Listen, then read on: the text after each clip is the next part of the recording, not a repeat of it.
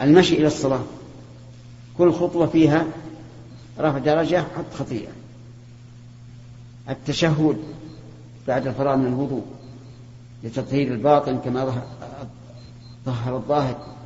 كل هذا يدل على عناية الشرع بالصلاة وأنها مهمة ولا يوجد لها نظير في العبادات اعتناء به الشرع كاعتنائه بالصلاة طيب إذا إذا كان قلبك معلقا في المساجد. إن خرجت صار القلب في المسجد. وتحن إلى المسجد. وتنتظر بشغف. حضور الصلاة الأخرى فهذه من علامة التوحيد. وانظر الفرق بين شاب ورجل.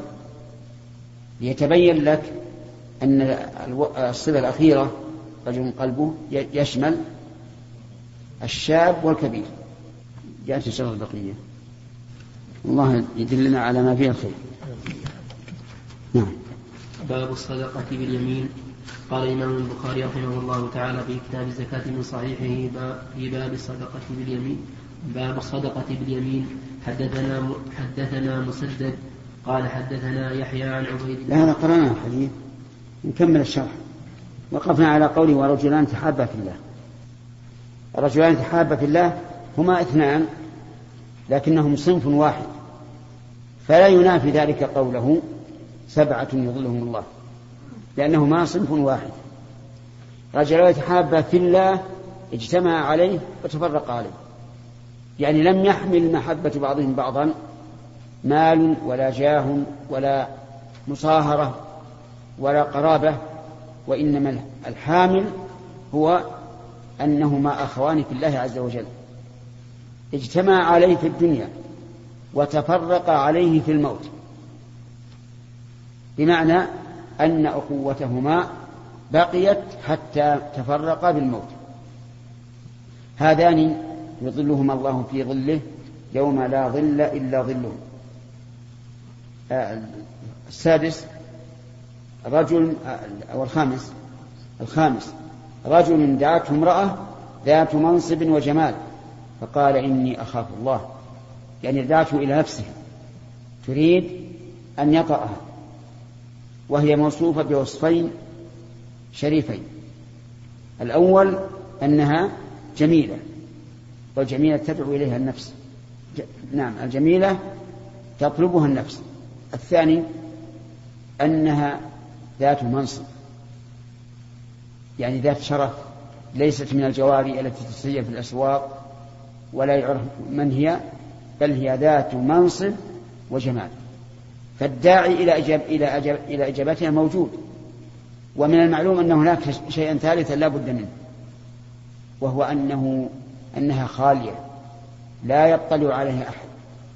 ولذلك قال إن في جوابها إني أخاف الله عز وجل. إذا المكان خالي ولا في أحد؟ خالي. ولا يحتمل أن أن يطلع عليه ما أحد. لكن منعه خوف الله عز وجل. هذا ممن يظله الله في ظله يوم لا ظل إلا ظله. طيب هل هو قادر على الجماع أو غير قادر؟ قادر. الدليل؟ قولهم يخاف الله. يعني ما في موانع إطلاقا. إلا خوف الله عز وجل. فالأسباب متوفرة والشروط تامة لكن المانع وهو خوف الله منع عمل هذه الأسباب والشروط. آه، السادس رجل تصدق بصدقة فأخفاها حتى لا تعلم الشمال ما تنفق يمينه. تصدق بصدقة هل واجبة ولا ولا غير واجبة؟ عام واجبة أو غير واجبة لكنه أخفاها. حتى لا تعلم الشمال ما تنفق اليمين.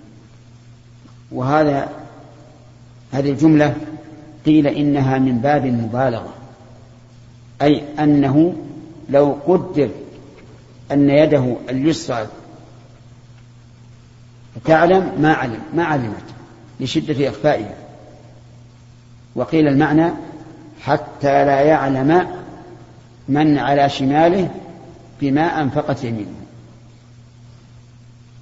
والأول أبلغ وهو ظاهر السياق. السابع رجل ذكر الله خاليا ففاضت عيناه. خاليا يعني ليس حوله أحد. حتى يقال إنه فإن عينه فاضت مراءة للناس. ويحتمل أن يكون المراد أيضا خاليا من ذكر الدنيا وعلاقاتها. فقلبه صافي. ولما ذكر الله سبحانه وتعالى في هذه الحال فارت عيناه. وهل الذكر بالقلب أو باللسان بهما جميعا. قد يتفكر الإنسان مثلا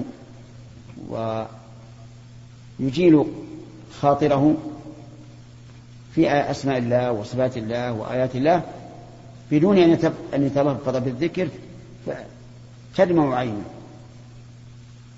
وقد يذكر الله عز وجل ويكون قلبه معه شيء من الانصراف لكن لقوة الذكر في على نفسه تفيض عينه في الشاهد من هذا الحديث قوله حتى لا تعلم شماله ما تنفق يمينه فإن الصدقة كانت باليمين. نعم. حدثنا علي بن الجعد قال أخبرنا شعبة قال أخبرني معبد بن خالد قال سمعت حارثة بن وهب الخزاعي رضي الله عنه يقول سمعت النبي صلى الله عليه وسلم يقول تصدقوا فسيأتي عليكم زمان يمشي الرجل بصدقته فيقول الرجل فيقول الرجل لو جئت بها بالأمس لقبلتها منك فأما اليوم فلا حاجة لي فيها هذا سبق معناه لكن ما وجه الشاهد في هذا الحديث للترجمة لأن البخاري رحمه الله يشير إلى حديث آخر ليس على شرطه ذكر فيه اليمين وأن اللفظ الذي معنا ليس لم يذكر فيه اليمين ماذا يقول؟ قال ابن حجر رحمه الله تعالى قال ابن رشيد مطابقة الحديث عن الثاني مطابقة الحديث للترجمة من جهة أنه اشترك مع الذي قبله في كون كل منهما حاملا لصدقته لأنه إذا كان حاملا لها بنفسه كان أخفى لها فكان في معنى لا تعلم شماله ما تنفق يمينه ويحمل المطلق في هذا على المقيد في هذا أي المناولة باليمين قال ويقوى أن ذلك مقصده اتباع ويقوي أن ذلك مقصده اتباعه بالترجمة التي بعدها حيث قال من أمر خادمه بالصدقة ولم يناول بنفسه وكأنه قصد في هذا من حملها بنفسه. ما هو نعم.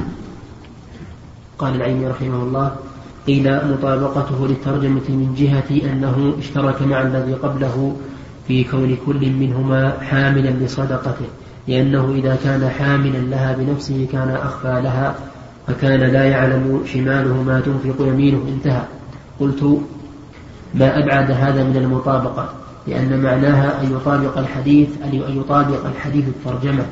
وهنا الترجمة باب الصدقة باليمين. فكان نعم فينبغي أن يكون في الحديث ما يطابق الترجمة بوجه من الوجوه بوجه من الوجوه. وهذا الذي ذكره هذا القائل إنما هو المطابقة بالجر الثقيل بين الحديثين. وقوله لأنه إذا كان حامل لها بنفسه كان أخفى لها إلى آخره غير مسلم لأن إخفاءها للحامل ليس من اللوازم. ولكن يمكن أن يوجه شيء للمطابقة وإن كان وأيضا البخاري ما قال المخفي. البخاري يقول باب الصدقة باليمين ما قال باب, باب الصدقة إذا أخفاها. نعم. ولكن يمكن أن يوجه شيء من شيء للمطابقة وإن كان بالتعسف وهو أن اللائق لحامل الصدقة ليتصدق بها إلى ما يحتاج إليها أن يدفعها بيمينه لفضل اليمين على الشمال فعند التصدق باليمين يكون مطابقا لقوله باب الصدقة باليمين. وقد مضى الحديث. نعم.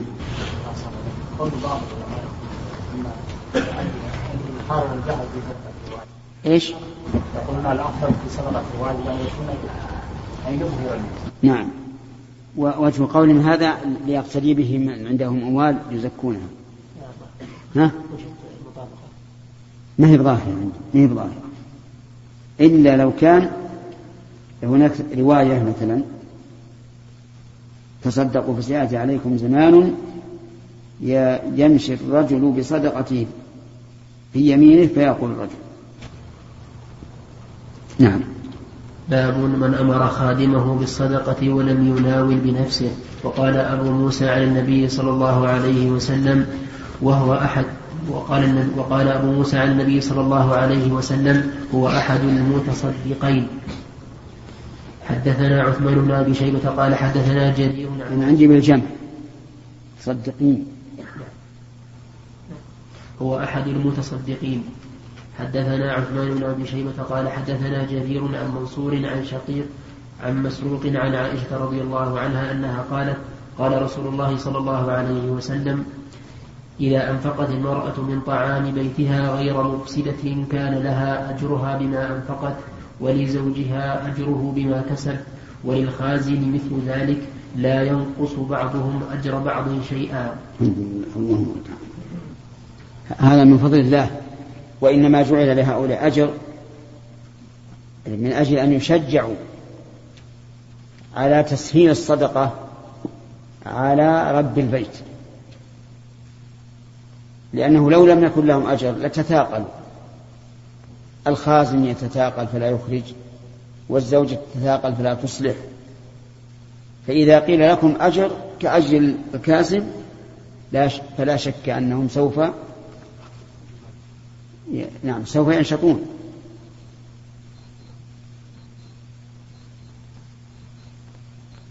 نعم.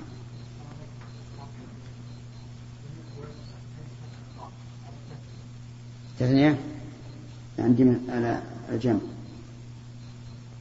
مشكولة عندي على الجنب هو المعنى واحد من جهة المعنى. إذا صاروا جماعة فهم متصدقون وإذا كانوا اثنين فهم متصدقان. وشبيه بهذا من حدث عني يقول النبي صلى الله عليه وعلى آله وسلم من حدث عني بحديث يرى أنه كذب فهو أحد الكاذبين الأخرى الكاذبين. نعم. شيخ بالنسبة للإنفاق. بالنسبة للرجل الذي تعلق قلبه بمسجد هل هو يعني يشترط كونه متعلقا طوال عمره أو لو تعلق بعض الأحيان وغفل بعض الأحيان يدخل في الحديث؟ لا هو إذا تعلق ولم ولم يختلف. أما إذا اختلف فالأعمال بالخواتيم. نعم. بالنسبة لحديث ابن هريرة هل يشترط الرجل أن يأتي بجميع هذه الخصال أو أنه يكفي واحدة لدخول يكفي واحدة. كل واحدة موجبة لأن يظله الله في ظله وما لا ظل إلا ظل ما يتعارض في نفس الحديث. مثلا الإمام العادل وإذا دعته امرأة أتاها القتل الفاحشة فكيف يكون هذا؟ يعني عادل وإذا طلب من الفاحشة أتاه. إذا كان عادلا نعم نعم. نعم. ويحرم الأجر الثاني. ويحرم الأجر الثاني. أنه إذا إذا دعته مصر لكن قل لي إذا جمع بين خصلتين. هل يضاعف عليه الظل أو يزاد في حسناته؟ الجواب الثاني. وهذا له نظائر. من صام رمضان إيمانا واحتسابا غفر له ما تقدم من ذنبه. ومن قام رمضان إيمانا واحتسابا غفر له ما تقدم من ذنبه. فأين الذنب إذا إذا صام؟ فالجواب أن يقال قد يختل صيامه فلا يبلغ أن يغفر له ما سبق من ذنبه فينضم هذا إلى هذا. فإن قدر أن صيامه تام وليس فيه نقص صار أجر القيام زائدا يزداد به ثوابه. ومثله الصلوات الخمس والجمعة إلى الجمعة ورمضان إلى رمضان وكفارات لما بينهن مجتنب بالكبائر نقول إن كان في أحدها نقص جبر بالثاني. وإن لم يكن فيه نقص صار ذلك إيش؟ زيادة في ثوابه وحسناته. نعم. باب لا صدقة إلا عن ظهر غنى. ومن تصدق وهو محتاج أو أهله محتاج أو عليه دين فالدين أحق أن يقضى من الصدقة والعتق والهبة. وهو رد عليه ليس له أن يتلف أموال الناس. وقال النبي صلى الله عليه وسلم من أخذ أموال الناس يريد إتلافها أتلفه الله إلا أن يكون معروفا بالصبر فيؤثر على نفسه ولو كان به خصاصة. كفعل أبي بكر رضي الله عنه حين تصدق بماله. وكذلك آثر الأنصار المهاجرين. ونهى النبي صلى الله عليه وسلم عن إضاعة المال. فليس له أن يضيع أموال الناس بعلة الصدقة. وقال كعب رضي الله عنه قلت يا رسول الله إن من, إن من توبتي أن أنخلع من مالي صدقة إلى الله وإلى رسوله صلى الله عليه وسلم. قال أمسك عليك بعض مالك فهو خير لك. قلت فإني أمسك سهمي الذي بخيبر. البخاري رحمه الله بوب هذا الباب وهو مهم. يقول لا صدقة إلا عن ظهر غنى. وذلك لأن الدين واجب والصدقة سنة. ولا يمكن أن يدع الواجب ويقوم بالسنة. ولهذا ذهب شيخ الإسلام ابن تيمية رحمه الله أن الإنسان إذا أوقف شيئا من ماله وعليه دين فإنه لا يصح الوقف. لماذا؟ لأن الوقف تطوع. وقضاء الدين واجب وكذلك ليس له أن يتبرع بهبة أو أو نحو ذلك لأن قضاء الدين واجب والتبرع ليس بواجب. يقول رحمه الله ومن تصدق وهو محتاج أو أهله محتاج. أهله محتاج فيها إشكال. وش مقتضى السياق أن يقول؟ محتاجون لكن الأهل قد يطلق على الواحد. ولذلك يجمع فيقال أهلون كما قال الله تعالى في القرآن قالت الأعراب نعم. شغلتنا أموالنا نعم. سيقول لك المخلفون من الأعراب شغلتنا أموالنا وأهلنا وقال بل ظلمتم أن لن ينقلب الرسول والمؤمنون إلى أهليهم أبدا. وقوله أو عليه دين فالدين أحق أن يقضى من الصدقة والعتق والهبة وهو رد عليه. يعني هذا هذه الصدقة في من عليه دين مردودة لا تقبل لأنه عمل عملا ليس عليه أمر الله ورسوله. فيكون مردودا. ومن ذلك حج التطوع. إذا كان عليه دين فإنه على مقتضى ما ذكره البخاري رحمه الله يكون غير مقبول. وهذه مسألة قل من يتفطن لها. ولو تفطن لها الناس وقيل لهم إن أي تبرع تتبرعون به وعليكم دين فإنه مردود لحصل في هذا خير كثير. فإن قال قائل ما تقولون؟ فيما لو كان الدين كثيرا والصدقة قليلة كرجل عليه عشرة آلاف ريال ومر به فقير وأعطاه ريال واحد.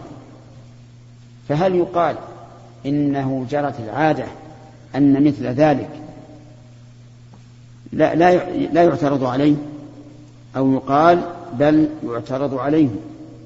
ويقال إذا كان عليه عشرة آلاف ريال وسلم الغريم ريال الريال كم صار عليه؟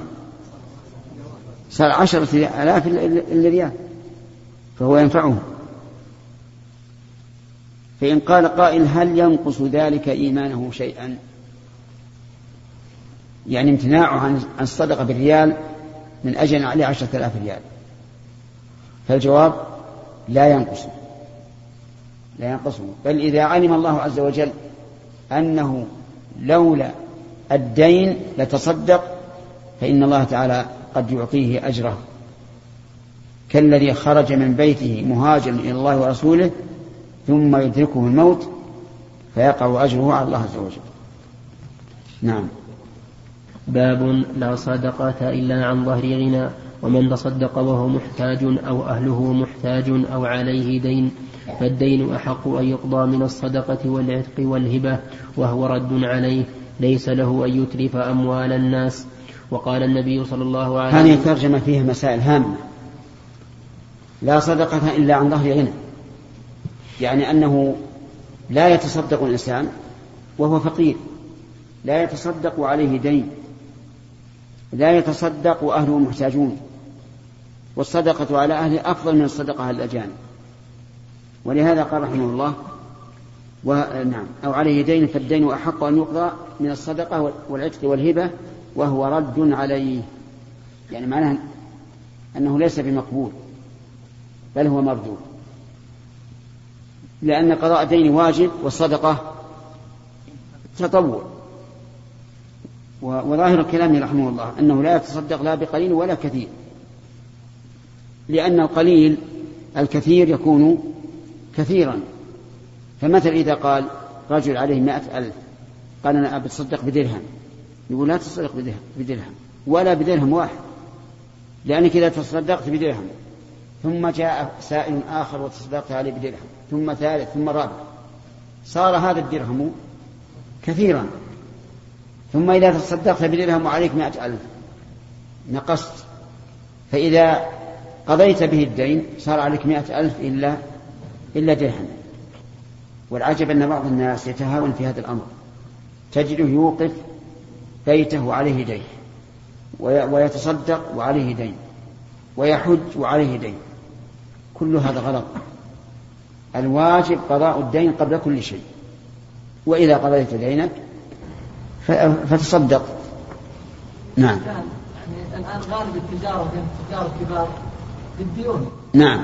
فيعني يكون داين ودين في نفس الوقت. نعم.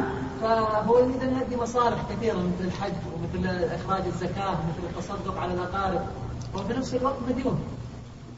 إخراج الزكاة واجب. التصدق على اقارب أو الحج لا ما يلزمه أن يتصدق على اقاربه ولا يلزمه أن يحج ولا ينبغي أن يحج إلا إذا كان الدين الذي له أكثر من الدين الذي عليه وهو, وهو أيضا واثق من أنه سيوفى فهذا الأمر واسع. ومن هذا الباب أموال عند الناس ولهم أموال عليه. نعم. فأرجو سدادها حينما تأتي أموالي وهكذا. إذا إذا إذا سددها يتصدق. الحمد لله. نعم. شيخ الذي عليه دين هل يجوز له أن يعزم الناس ويتوسع في ذلك؟ لا. يعني في الدعوات. لا يجوز. لأن هذه الدعوة مثلا إذا كان ينفق عليها 200 ريال. 200 ريال يقضي بها دينه. وكما قال البخاري رحمه الله من آه وليس له أن يتلف أموال الناس. قال النبي صلى الله عليه وسلم من أخذ أموال الناس يريد إتلافها أتلفه الله. نعم. وهو رد عليه ليس له أن يتلف أموال الناس. وقال النبي صلى الله عليه وسلم من أخذ أموال الناس يريد, يريد إتلافها أتلفه الله. إلا أن يكون معروفا بالصبر فيؤثر على نفسه ولو كان به خصاصة. كفعل أبي بكر رضي الله عنه حين تصدق بماله. وكذلك آثر الأنصار المهاجرين. ونهى النبي صلى الله عليه وسلم عن إضاعة المال فليس له أن يضيع أموال الناس بعلة الصدقة. وقال كعب رضي الله عنه قلت يا رسول الله إن من توبتي أن أنخلع من, من مالي صدقة إلى الله وإلى رسوله صلى الله عليه وسلم. قال أمسك عليك بعض مالك فهو خير لك. قلت فإني أمسك سهمي الذي بخيبر. حدثنا عبدان قال أخبرنا عبد الله عن يونس عن الزهري أنه قال أخبرني سعيد بن المسيب أنه سمع أبا هريرة رضي الله عنه عن النبي صلى الله عليه وسلم قال خير الصدقة ما كان عن ظهر غنى وابدأ بمن تعول. حدثنا موسى بن إسماعيل قال حدثنا وهيب قال حدثنا هشام عن أبيه عن حكيم بن حزام رضي الله عنه عن النبي صلى الله عليه وسلم أنه قال اليد العليا خير من اليد السفلى وابدأ بمن تعول وخير الصدقة عن ظهر غنى ومن يستعفف يعفه الله ومن يستغني يغنه نعم. ومن يستعفف يعف يعفه الله يعفه بالفتح.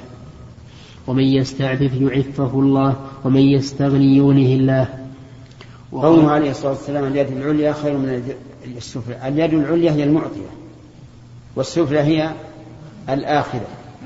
فالرجل مثلا إذا أراد أن يتصدق يأخذ الدراهم بيده ويضعها في يد الفقير فيده عليا ويد الفقير سفلى. يقول عليه الصلاة والسلام وابدأ بمن تعول. يعني إذا أردت أن تصدق فابدأ بمن تعول أي بعائلتك فإنه أفضل من الأجانب. وخير الصدقة ما كان عن ظهر غنى. يعني خير الصدقة أن أن يتصدق الإنسان وهو غني. ومن يستعفف يعفه الله. يعني من يطلب العفاف عن الناس وعدم الحاجة إليهم فإن الله تعالى يعينه على ذلك ويعفه.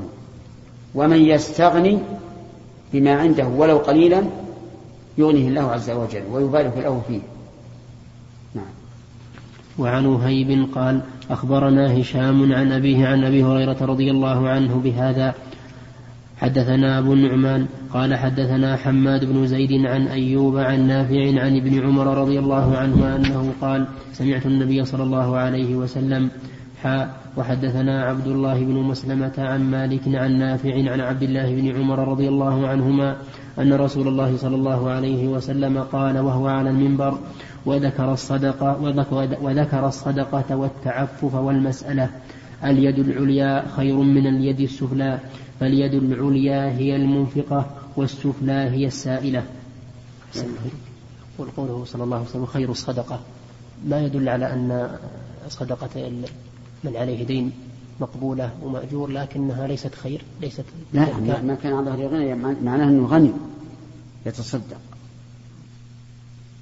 فرجل عيشه كفاف ورجل آخر عيشه واسع. صدقة الثاني أفضل من الأولى.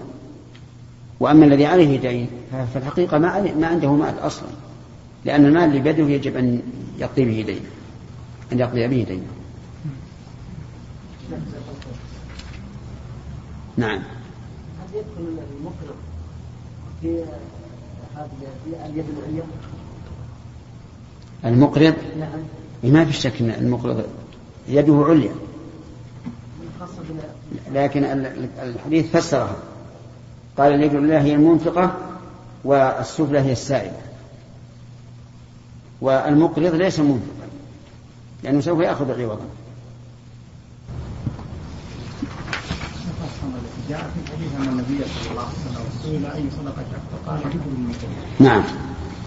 والجمع بينه وبين خير صدقة ما كان عن ظهر خير صدقة ما كان عن ظهر غنى هذا بالنسبة للصدقة والأولى بالنسبة للمتصدق. لأن المتصدق الذي ماله قليل يصعب يعني في الغالب أنه يصعب عليه أن يتصدق. فيكون صدقته بالنسبة له هو. أفضل من الرجل الذي عنده مال ولا يهمه أن يخرج من ماله ما شاء. أما بالنسبة للصدقة نفسها فما كان عن ظهر غنى فهو أفضل. نعم. ثلاثة؟ نعم. باب المنان بما أعطى لقوله لقوله الذي لقوله الذين ينفقون أموالهم في سبيل الله ثم لا يتبعون ما أنفقوا منا ولا أذى. الآية. كان المؤلف رحمه الله ليس عنده حديث على شرطه واستدل بالآية. فالمنان بما أعطى. قد يبطل أجره بمنته كما قال عز وجل لا تنفقوا لا تبطلوا صدقاتكم بالمن والأذى. ولكن في الحديث الصحيح عن أبي ذر أن النبي صلى الله عليه وعلى آله وسلم قال ثلاثة لا يكلمهم الله يوم القيامة ولا ينظر إليهم ولا يزكيهم ولهم عذاب أليم المسبل والمنان. وهذا يشمل المن بالمال والمن بالعلم والمن بالجاه بأي شيء. حتى مثلا لو من عليه وقال لو كان غيركم ما, ما, ما زرتكم. لو كان الذي دعاني غيرك غيرك ما زرتك مثلا. يمن بذلك عليه. لا يقصد مجرد الإخبار. فإنه يدخل في الحديث المنان أي بكل شيء آه، بذله. الشارح بالنسبة للحديث؟ إي نعم. لا بالنسبة للترجمة. باب المنام بما أعطى. قوله قال ابن حجر رحمه الله تعالى قوله باب المنان بما أعطى لقوله تعالى الذين ينفقون أموالهم في سبيل الله ثم لا يتبعون ما أنفقوا منا ولا أذى الآية هذه الترجمة ثبتت في رواية الكشميهني وحده بغير حديث وكأنه أشار إلى ما رواه مسلم من حديث أبي ذر مرفوعا ثلاثة لا يكلمهم الله يوم يوم القيامة المنان الذي لا يعطي شيئا إلا من به الحديث. ولما لم يكن على شرطه اقتصر على الإشارة إليه. ومناسبة الآية للترجمة واضحة من جهة أن النفقة في سبيل الله لما كان المان بها مذموما كان مذموما كان ذم المعطي في غيرها من باب أولى من باب الأولى. قال القرطبي المن غالبا يقع من البخيل من البخيل والمعجب فالبخيل تعظم في نفسه العطية وإن كانت حقيرة في نفسها والمعجب يحمله العجب على النظر لنفسه بعين العظمة وأنه منعم بماله على المعطي وإن كان أفضل منه في نفس الأمر وموجب ذلك كله الجهل ونسيان نعمة الله فيما أنعم به عليه ولو نظر مصيره لعلم أن المنة للآخذ لما يترتب عليه من الفوائد. من الفوائد. لا ما ليس كذلك المنة لا شك أنه من المعطي. لكن لا يجوز للإنسان أن يمن ولهذا لما ذكر النبي صلى الله عليه وسلم الأنصار بأنهم كانوا فقراء فأغناهم الله به ومتفرقين فألفهم الله به كلما قال شيئا قال قالوا الله ورسوله أمن. نعم. باب من أحب تعجيل الصدقة من يومها. حدثنا أبو عاصم عن عمر بن سعيد عن ابن أبي مليكة أن عقبة بن الحارث رضي الله عنه حدث قال صلى بنا النبي صلى الله عليه وسلم العصر فأسرع ثم دخل البيت فلم يلبث أن خرج. فقلت أو قيل له. فقال كنت خلفت في البيت تبرا من الصدقة. فكرهت أن أبيته فقسمته. أما أما تعجيل الزكاة فواجب يعني لا يجوز تأخير الزكاة عن وقتها ما دام يوجد لها أهل. وأما الصدقة فالأمر فيها واسع. لكن إذا لم يجد أهلا للزكاة وأخرها من أجل أن يتحرى أهلها فلا بأس لأن هذا لمصلحة المساكين. وفي هذا دليل على جواز الإسراع بالصلاة لأمر يختص بالإمام لأن النبي صلى الله عليه وسلم أسرع كما أنه يجوز الإسراع بالصلاة لأمر يختص بالمأموم. فقد كان النبي صلى الله عليه وسلم يدخل في الصلاة يريد أن يطيلها فيسمع بكاء الصبي فيتجوز. في صلاته لئلا تفتتن أمه. طيب ما هو التبر التبر قطع الذهب وليس الدنانير بل هو قطع الذهب. نعم. تأخير الزكاة لمصلحة إيش؟ تأخير الزكاة من أجل إعطائها قريب. إذا كان يسيرا لا بأس. يسيرا كنصف نصف شهر أو ما أشبه ذلك فلا بأس. نعم. قوله فأسرع المقصود بها أسرع بالإقامة أو خفف الصلاة؟ لا خفف الصلاة. باب التحريض على الصدقة والشفاعة فيها. حدثنا مسلم قال حدثنا شعبة قال حدثنا عدي. في احتمال أن المعنى أنه صلى الصلاة العصر فأسرع في في إصرافه منها. في احتمال. نعم. باب التحريض على الصدقة والشفاعة فيها. فأسرع. ما تكلم عن شيء. ما ذكر شيء؟ لا ما تكلم ظاهر أنه تقدم الحديث. الظاهر متقدم في صلاة الصلاة. ما ذكر شيء؟ وذكر أنه قال. نعم. المستنبط من كلام العين العين. العين ولا القسطلاني ترى القسطلاني حبيب. ما هو يحيل على أحد. العيني العين أو القسطلاني نعم. اللي معك القسطلاني نعم. نعم القسطلاني نعم نعم. قوله فأسرع. وفي باب من صلى بالناس فذكر حاجة فتخطاهم فسلم بدل, قول بدل قوله هنا فأسرع. ثم دخل. ولا لك شيء ما العين. ذكر شيخ الباري. نعم. قال حيث أسرع في الدخول والقسم إيش؟ قال حيث أسرع في الدخول والقسمة فجرى على إيش؟ حيث أسرع في الدخول والقسمة والقسمة نعم. هذا في فتح الباري كذلك في هذا فيما سبق نعم. في الحديث السابق لكن موجود هذا عندنا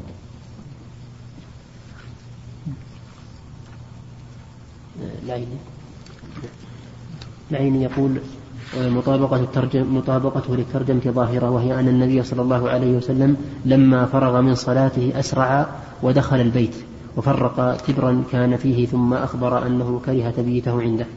فدل ذلك على استحباب تعجيل الصدقة على؟ على استحباب تعجيل الصدقة. نعم. والحديث مضى في أواخر كتاب الصلاة. على كل هو لا شك إنه يحتمل هذا وهذا. أسرع في صلاته أو أسرع في مشيه حين انصرف من الصلاة. نعم. انتهى بارك الله فيك. الرحيم الحمد لله رب العالمين. صلى الله وسلم على عبده ورسوله نبينا محمد وعلى آله وأصحابه أجمعين. قال الإمام أبو عبد الله البخاري رحمه الله تعالى في كتاب الزكاة من صحيحه. باب التحريض على الصدقة والشفاعة فيها. حدثنا مسلم قال حدثنا شعبة قال حدثنا عدي عن سعيد بن جبير عن ابن عباس رضي الله عنهما أنه قال خرج النبي صلى الله عليه وسلم يوم عيد فصلى ركعتين لم يصلي قبل ولا بعد ثم مال على النساء ومعه بلال فوعظهن وأمرهن أن يتصدقن فجعلت المرأة تلقي القلب والخرص حدثنا موسى بن إسماعيل قال حدثنا عبد الواحد قال حدثنا قل وش معناه؟ إذا وجهت السؤال واحد ما ما لا حد يتكلم قوله القلب بضم القاف وسكون اللام آخرها موحدة هو السوار وقيل هو مخصوص بما كان من عظم. من عظم؟ نعم. والخرص هو الذي يعلق في الأذن؟ والخرص بضم المعجمة وسكون الراء بعدها مهملة هي الحلقة. ما في قول ثاني؟ ما في شيء قال ثانيها حديث أبي موسى اشفع تؤجر ها؟ ثانيها أحاديث حديث أبي موسى. حلقة أين تكون؟ ما ذكر شيء؟ هذا القصلاني فقط قال الحلقة. ها؟ حلقة فقط. ها؟ طيب. شوف العيني ما ما دام معنا وقت. حلقة الخرص لأن الحلقة التي تكون بالأذن في الثقب ثقب- الأذن والأولى القلب يقول هي السوار. نفس كلام؟ نفس كلامه قال هو هو وهو السوار وقيل هو مخصوص بما كان من عظم. طيب. وأيضا قصلاني نفسه. والقصلاني نفسه أيضا. نفس الشيء طيب. حدثنا موسى بن إسماعيل قال حدثنا عبد الواحد قال حدثنا أبو بريدة بن- بن عبد الله. قوله فصلى ركعتين لم يصلي قبل ولا بعد. نعم لأن العيد ما فيها ما لها سنة راتبة لا قبلها ولا بعدها. يصلي ركعتين ثم يخطب ثم ينصرف. لكن من جاء قبل الإمام هل يصلي تحية المسجد؟ أو يقال إنه لا يصلي. الصواب أنه يصلي تحية المسجد. لأن مصلى العيد مسجد والدليل على أنه مسجد أن النبي صلى الله عليه وعلى آله وسلم منع منه الحيض أمرهن أن يعتزلن المصلى. وهذا حكم من أحكام المساجد فيدل هذا على أن مصلى العيد مسجد. وإذا كان مسجدا فقد قال النبي صلى الله عليه وعلى آله وسلم إذا دخل أحدكم المسجد فلا يجلس حتى يصلي ركعتين. وأما قوله لم يصلي قبلهما ولا بعدهما فيقال كذلك الجمعة فإن النبي صلى الله عليه وعلى آله وسلم لم يصلي قبلهما ولا بعدهما بل كان يصلي ركعتين في بيته إذا إذا خرج. وقوله ثم مال على النساء يدل على أن النساء في مكان بعيد عن الرجال. وهو دليل واضح على فصل الرجال عن النساء. وأنه لا يجمع بينهم بينهم حتى في أماكن العبادة. ولهذا جاء الحديث الصحيح خير صفوف النساء آخرها وشرها أولها وخير صفوف الرجال أولها وشرها آخرها. نعم. حدثنا موسى بن إسماعيل قال حدثنا عبد الواحد قال حدثنا أبو بريدة بن عبد الله بن أبي بردة قال حدثنا أبو بردة بن أبي موسى عن أبيه رضي الله عنه أنه قال كان رسول الله صلى الله عليه وسلم إذا جاءه السائل أو أو أو طلبت إليه حاجة قال اشفعوا تؤجروا ويقضي الله على لسان نبيه صلى الله عليه وسلم ما شاء. نعم هذا الشفاعة في أصل العطاء وفي قدر العطاء. في أصل العطاء إذا رأيت المسؤول مترددا هل يعطي أو لا فاشفع. في قدره إذا رأيته أعطاه قليلا وأنت تعرف أن السائل محتاج فاشفع. قل زده فإنه محتاج وما أشبه ذلك. وقول تؤجروا أن يحصل لكم الأجر ويقضي الله على لسان نبيه ما شاء يعني أنه لا يلزم من الشفاعة قبولها فللمشفوع إليه أن يقبل أو لا يقبل. نعم. كان يصلى يكون طريقا في غير يوم العيد. إيش؟ يكون طريقا أو سكه أعد أعد من أول. مصلى مصلى العيد. نعم. يعني في غير العيد نعم. يكون طريقا للناس. أي نعم. هذا يأخذ حكم المسجد. هي يأخذ حكم المسجد. ولا ولا يجوز أن أن يطلق هذا على وجه يكون فيه أذى. كأن تروث فيه الحمير وما أشبه ذلك. حتى في غير يوم العيد حال لا نعم. حتى؟ في غير أيام العيد. حتى إيه؟ معلوم ما ما يجعل فيه شيء شيء من لو أراد إنسان أن يبول فيه أو يتغوط أو يأتي بحمير تبول فيه وتروث فإنه لا يجوز له هذا. نعم. ولا ولا حائل ما تمكث فيه. نعم. الفقهاء يقولون يا شيخ إن الحائض يجوز لها استطراق المسجد.